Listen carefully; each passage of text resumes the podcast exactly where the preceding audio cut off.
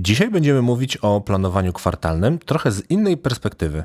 Porozmawiamy o tym, jak to powinno wyglądać z punktu widzenia kierownictwa firm, czyli osób z C-levelu. To jest podcast Deloitte Zwinne Organizacje. Gdzie wspólnie z naszymi gośćmi poruszamy najważniejsze obszary transformacji zwinnych. Notatki do tego odcinka znajdziesz na naszym blogu na stronie deloitte.com. Zapraszamy. Cześć, z tej strony Michał Chmielewski, Paweł Tomkiel. Deloitte Digital. Cześć Paweł. No cześć Michał. Spotkaliśmy się dzisiaj, żeby porozmawiać o planowaniu kwartalnym, ale bardziej pod kątem, jak się do niego przygotować z punktu widzenia kierownictwa firm. Tak, zanim w ogóle przejdziemy do tematu, to już chyba teraz możemy powiedzieć, że na koniec będzie mała niespodzianka dla naszych słuchaczy z C-Levelu, ale to zostawiamy na sam koniec. Super. To co Paweł, zacznijmy od tego może, dlaczego planowanie kwartalne, a nie roczne? No właśnie, dobre pytanie. Dlaczego? Myślę, że to się przewijało już w wielu odcinkach podcastu i myślę, że to też nie jest żadna nowość, kiedy mówimy, że planowanie kwartalne jest jakimś e, mm, obecnym trendem, może nie trendem, podejściem do planowania, bo roczne się już dawno przestało sprawdzać. Plan roczny zrobiony w listopadzie, myślę, że w styczniu się już doaktualizuje. A to jeszcze cały rok ma wytrwać. Tak, z mojego punktu widzenia trochę to też jest dlatego, e, powinniśmy wybierać e, planowanie kwartalne, żeby być bardziej konkurencyjnym na rynku.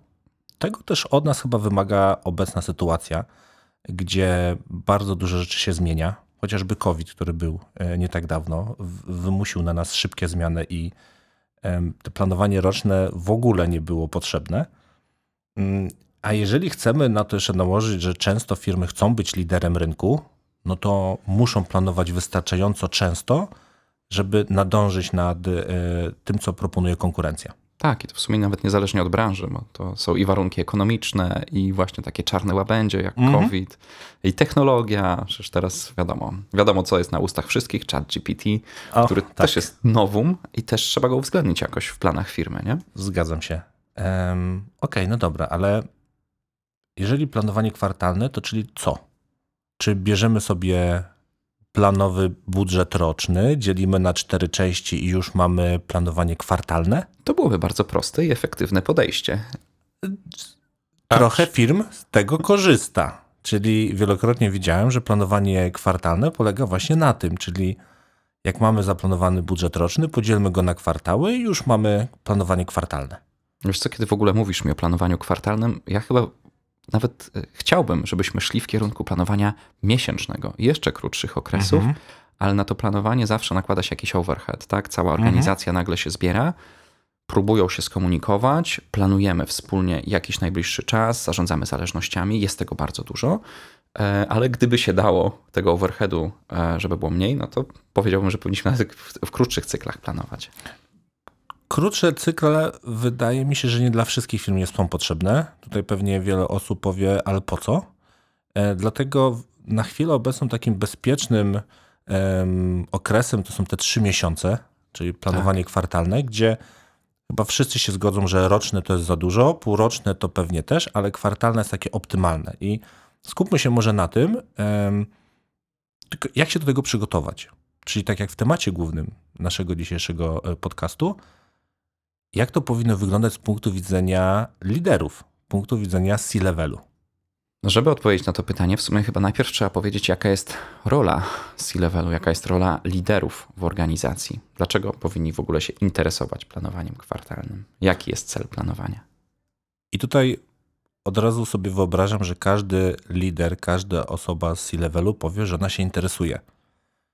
Miałem jakiś czas temu dyskusję z jedną osobą z C-levelu i usłyszałem, że jak najbardziej ona e, widzi potrzebę i każe ludziom to robić.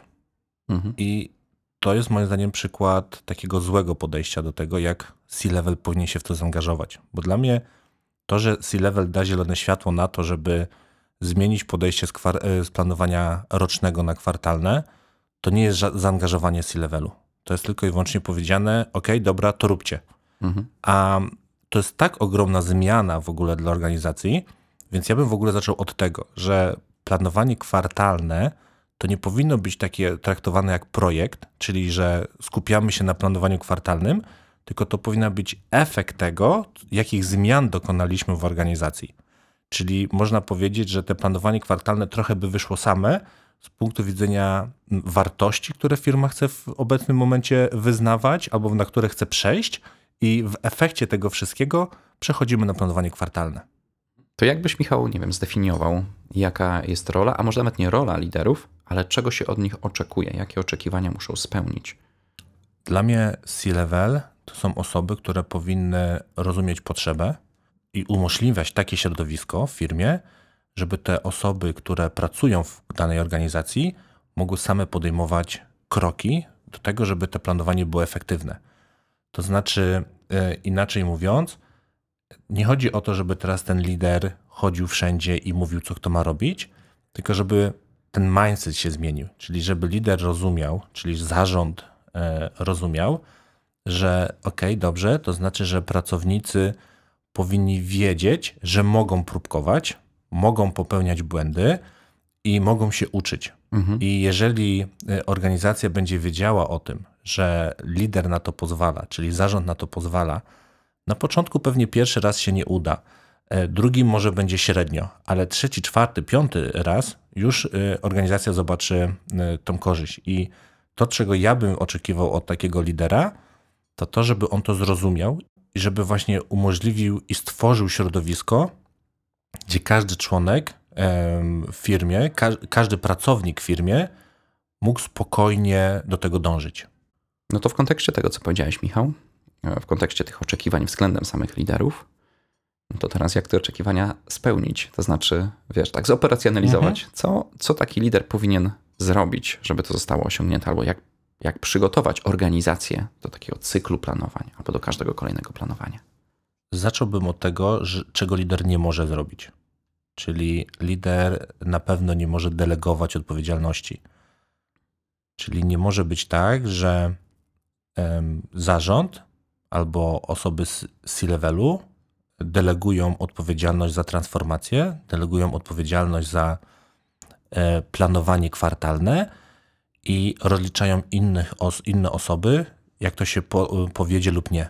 To e, C-level powinien być za to odpowiedzialny i C-level powinien ciągnąć tą całą zmianę. Czyli inaczej, powinien być zaangażowany w to. Jeżeli mm, osoby na kierowniczym stanowisku będą zaangażowane e, w takie działania, to organizacja będzie widziała, że to ma jednak istotne znaczenie dla całej organizacji i wtedy ludzie za tym też pójdą. Najczęstszym błędem, który e, my widzimy, jest to, że jest to po prostu cedowane na, e, najpierw na e, liderów średniego szczebla, mhm. a następnie liderzy cedują to na zespoły. I tak naprawdę okazuje się, że planowanie kwartalne interesuje tylko i wyłącznie zespoły. Mhm. I to jest, e, to jest źle. Więc mhm. to na pewno to, co jakbyś tak, jakby miał z tego wszystkiego pod, podsumować jedną taką rzecz na razie, to lider musi brać odpowiedzialność za tą zmianę. To ciekawe, co powiedziałeś, bo padło z Twoich ust e, zaangażowanie liderów mhm. i powiedziałeś też, że nie może przekazywać odpowiedzialności na tak. niższe szczeble, tak to nazwijmy. Tak, tak. On musi wziąć odpowiedzialność za tą zmianę. Czy to nie jest tak, że w większości firm właśnie ta odpowiedzialność jest z C-levelu scedowana na dyrektorów, z dyrektorów na menedżerów, z menedżerów na zespoły? Wiesz, to właśnie. Tak, i to jest, y, i najlepsze jest to, że to jest pod płaszczykiem jeszcze zwinności robione, ponieważ mówią, no tak, no przecież zespoły powinny mieć odpowiedzialność. Um, I to, wiesz, to jest taka półprawda, bo e, oczywiście fajnie, jak zespoły mogą się angażować i fajnie, jak zespoły są częścią tej zmiany, jednak nie może być tak, że im najbardziej zależy. I to, mhm. co ja mówię, i to, co ja chcę, żeby wybrzmiało dość wyraźnie, jest to, że ten lider musi się tym interesować, musi tym żyć i musi wziąć ten ownership za to. Czyli musi być tym głównym stakeholderem tej, tej zmiany. Jeżeli okazuje się, że to jest tylko i wyłącznie na początku, albo tylko i wyłącznie na pierwszym spotkaniu pojawia się taki lider i mówi: Tak, jest to ważna inicjatywa, idźmy w to, i później totalnie znika, no to prosty przykład. No weź, weź pomyśl, jakbyś ty się zachował. Mhm. Jeżeli główna osoba, która mówi ci, że ta praca jest ważna, znika e, z tego, z tego, z tego projektu i robi inne rzeczy, bo mówi, że one są ważniejsze, no to czyli jednak to nie jest ważne. Ale, ale wiesz, ale gdyby taka osoba powiedziała, taki lider powiedziałby, słuchajcie, tu jest Michał, Michał będzie zarządzał, będzie prowadził proces planowania kwartalnego w tym kwartale, on ma moje pełne umocowanie, ja biorę za wszystko odpowiedzialność, ale Michał może podejmować wszystkie decyzje, y, jego słuchajcie, zanim idźcie, to czy to nie wystarcza? Em, Deming mówi, że nie. E, Deming powiedział, że jeżeli e, nie możesz przyjść na spotkanie, to znaczy, że nie wysyłaj nikogo. Em, I wydaje mi się, że jest w tym dużo prawdy, ponieważ to jest trochę tak, że co robi osoba, którą ten C-level deleguje? Robi to samo. Bierze swojego kolegę lub osobę, która podlega pod nim i mówi: To też jest bardzo ważne zadanie. I ja ci tutaj daję pełne prawo do podejmowania tych decyzji, więc działaj. Tylko, że już to nie jest z punktu widzenia całej organizacji istotne, bo tu już jesteśmy, spadliśmy dwa levele niżej. I ta osoba zrobi tam kolejnym kroku to samo. I mamy taki piękny waterfallowy e, spychanie odpowiedzialności. I tak naprawdę, summa summarum, em, pewnie gdzieś na końcu ten zarząd rzeczywiście może i teoretycznie bierze za to odpowiedzialność, ale to wiadomo, że się nie udało dlatego, że zespół tego nie dostarczył. Mhm. I to widać. My, jak wchodzimy do firmy, to widzimy, że się rozmyła odpowiedzialność za, za daną e, czynność. No i tak naprawdę nie ma winnych. Mhm. I tu nie chodzi też o to, żeby tych winnych szukać, tylko jeżeli coś będzie, jeżeli coś ma rzeczywiście dla nas w- e, wartość i jest dla nas ważne, to to powinno być sygnowane przez najważniejsze osoby w organizacji. Okej, czyli mówisz tu o odpowiedzialność za takie najważniejsze procesy, jak właśnie planowanie, transformacje. Tak, jak planowanie, transformacje, bo mówię, zmiana y, podejścia y, planowania kwartalnego z podejścia rocznego to nie jest tylko i wyłącznie podzielenie budżetu na cztery części. To jest naprawdę duża zmiana, która wymaga ogromnych ilości przygotowań. I na pierwszy rzut oka, jak pokazujemy, ile tych kroków należy spełnić, żeby w ogóle do tego planowania doszło, to organizacje często się łapią za głowę, ile tego jest. I to, co my próbujemy zrobić, to nawet ta nasza dyskusja teraz, jest uświadomienie właśnie liderów, ile tak naprawdę od nich zależy, żeby ta, żeby ta zmiana się udała. Jeżeli oni się zaangażują, jeżeli oni znajdą na to czas, jeżeli zrozumieją swoją rolę, to gwarantuję, że ten, ta zmiana się powiedzie. Jeżeli delegują odpowiedzialność na inne osoby, z doświadczenia mogę powiedzieć, że 75% takich zmian się nie udaje. To teraz, Michał, może spróbujmy nazwać te rzeczy, skonkretyzować to, co musi się zadziać, albo co jest ważne w przygotowaniu takiego planowania kwartalnego. Jaki jest może cel takiego planowania?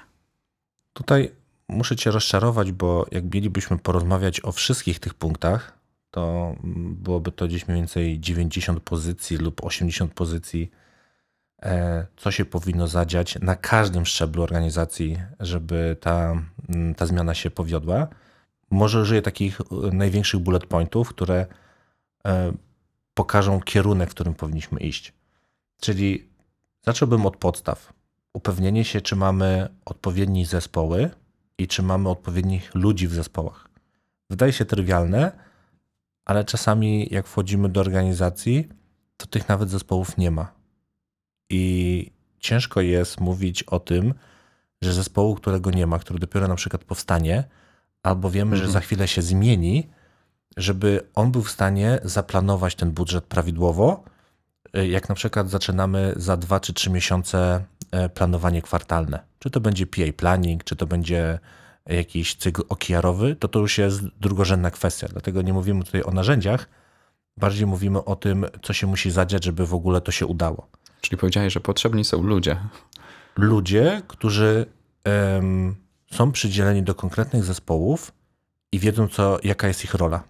To jest, to jest wydaje się me, mega trywialne, ale byśmy się zdziwili, jakbyśmy pokazali tak przykłady, że to nie jest takie oczywiste. Jaka jest ich rola, ale też e, czy my znamy ich kompetencje, tak?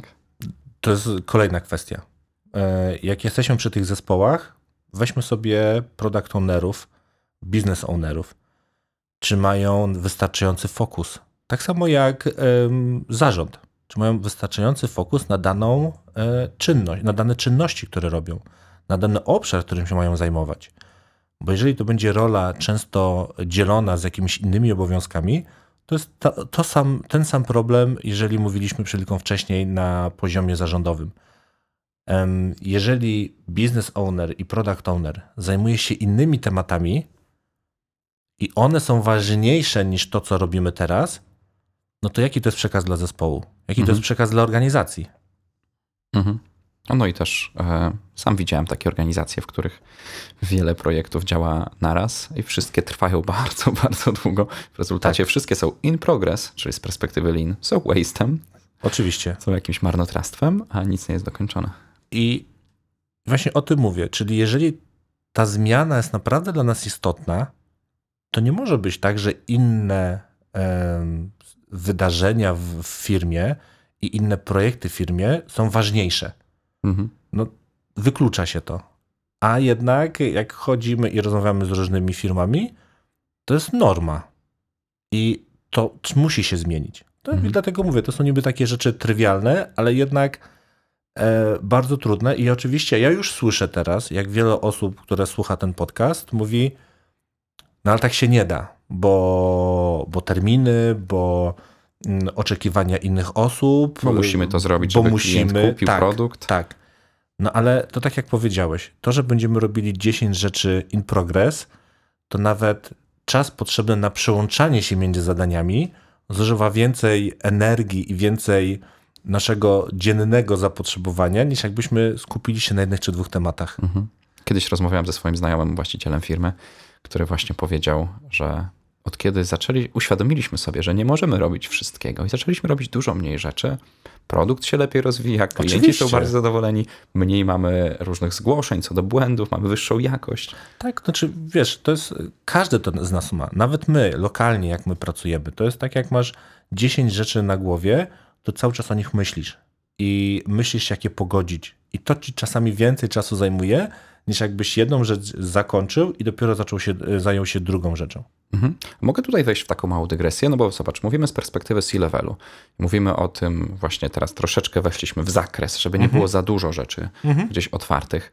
No ale taki em, członek zarządu, jeżeli to jest jakaś globalna spółka, też może mieć na sobą spółkę matkę, która, która te oczekiwania ceduje na przykład na polski oddział. I, I to zazwyczaj stąd się może brać ten szeroki bardzo zakres. Nie? I widzisz, i to jest problem z priorytetami. Jeżeli nawet mamy firmę matkę i ona e, wymusza na nas jakieś e, tematy, to i tak my wewnątrz firmy naszej powinniśmy priorytetyzować wszystkie tematy. Jeżeli się okazuje, że te rzeczy, które spływają z góry, są ważniejsze, no to ustalmy odpowiednie priorytety i pokażmy zaangażowanie. A my robimy coś innego. My robimy tak, że wszystkie tematy są ważne, wpadają do nas kolejne tematy, one również są ważne, my je również bierzemy i chcemy dostarczyć wszystkie. Ja się trochę wtedy zastanawiam, jak to jest możliwe, że mając trzy tematy, mówimy, że zrealizujemy w 100%, mamy 10 tematów, też mówimy, że zrealizujemy 100%, nie zwiększając ludzi, nie zwiększając ilość ym, przestrzeni e, na realizację tych zadań. Mhm. To jest, zawsze mnie to zastanawia i wiem, z czego to się bierze. Bierze się z tego, że po prostu jesteśmy za bardzo optymistycznie nastawieni do tego, że nam się wszystko uda oraz chcemy sprostać wszystkim oczekiwaniom, które na nas wpływają. Mhm. Dlatego, i tutaj wracamy znowu do, do zarządu, zarząd musi to rozumieć, że ich rola w takim, takich zmianach, w takim powiedzmy planowaniu kwartalnym, jeżeli chcemy zmienić to w organizacji, jest kluczowa. I tego nie można e, scedować, nie można przekazać innej osobie, ponieważ ta osoba, która już będzie niżej e, w poziomie hierarchii w organizacji, ona ma inne przełożenie na e, całą organizację i fokus już się trochę za, zatraca. A jeżeli rzeczywiście chcemy pokazać zaangażowanie i chcemy pokazać istotność tego fokusu, to musi być zawsze na samej górze. I to się nie może zmienić. Mhm. Mhm. Trochę długa dygresja, ale tak, powiedzieliśmy o tym, że ważny jest zespół w przygotowaniu planowania kwartalnego. Powiedzieliśmy o zakresie, żebyśmy mierzyli siły na zamiary. Co jeszcze? Jak pracujemy z vendorami, czy vendorzy też będą zaangażowani w naszą, nasz, nasz zespół, w planowanie. Ręka w rękę będziemy z nimi to robić, a nie na zasadzie takiej, że my zlecimy im zakres, oni do nas przyjdą za dwa miesiące i powiedzą, na kiedy to będzie zrobione i dostarczą to za e, 10 tygodni czy za jakiś inny e, kwant czasu. Em, Musimy dostosować środowisko do takiego momentu, kiedy wszystkie te nasze oczekiwania będą realne do, do spełnienia. Mhm. Czyli tak jak mówiliśmy o zespole, tak jak mówiliśmy później o e, product ownerze, o business ownerze, tak samo musimy mieć kontakt i musimy mieć stałą współpracę z vendorami. Jeżeli nie jest to możliwe na obecnym e, etapie, to trzeba by było to zmienić, zastanowić się, jak to zmienić. Ale nie możemy powiedzieć, a dobra, jest jak jest, no to trudno, poradzimy sobie, bo to nie ma sensu, bo to nie poradzimy sobie. Wszystkie badania, e, nasze doświadczenie pokazuje, że się nie da tego zmienić.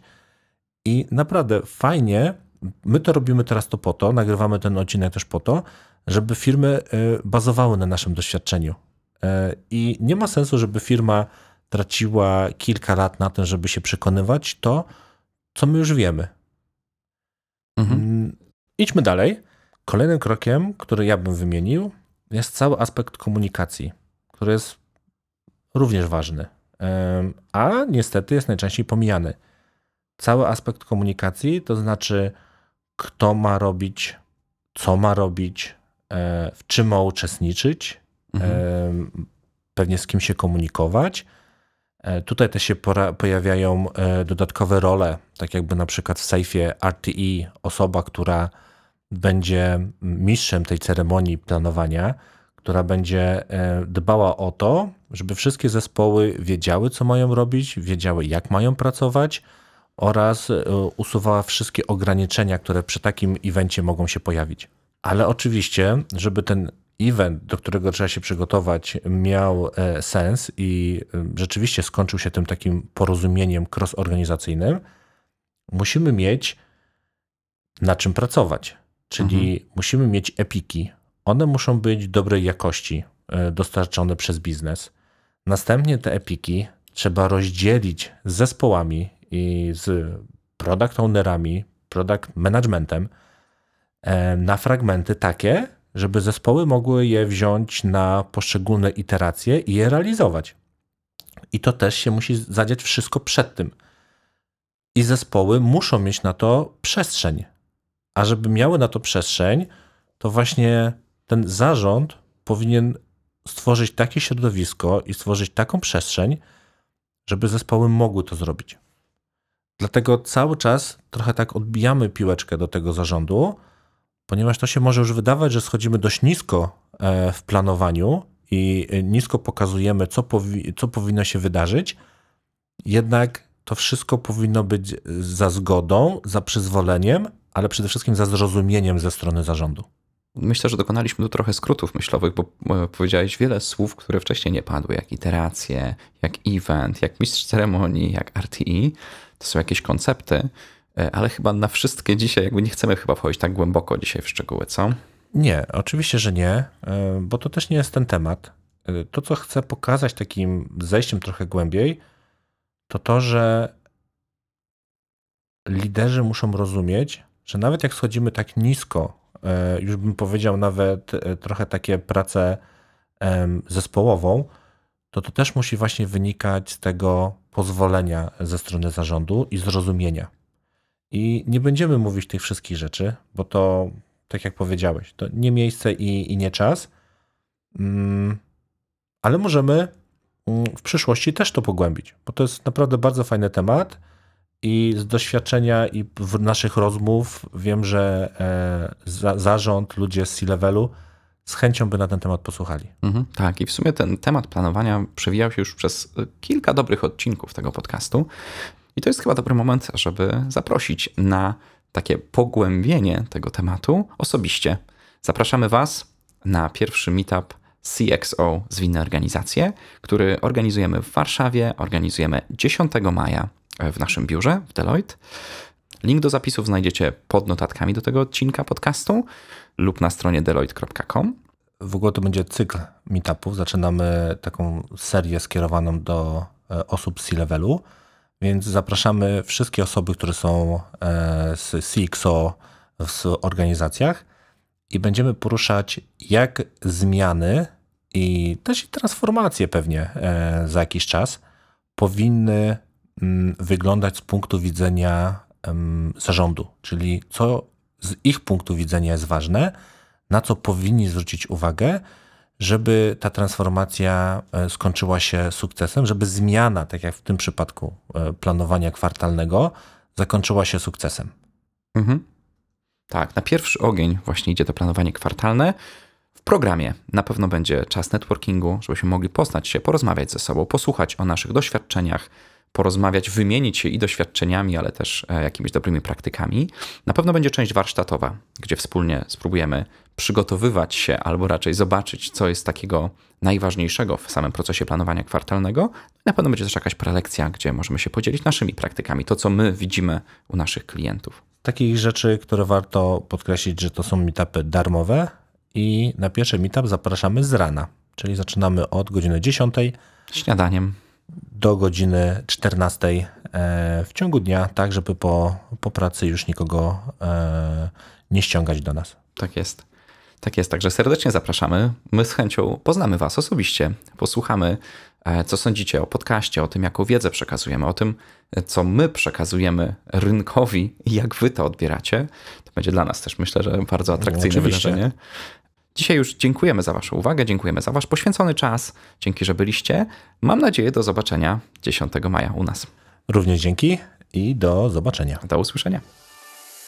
To był podcast Deloitte Zwinne Organizacje.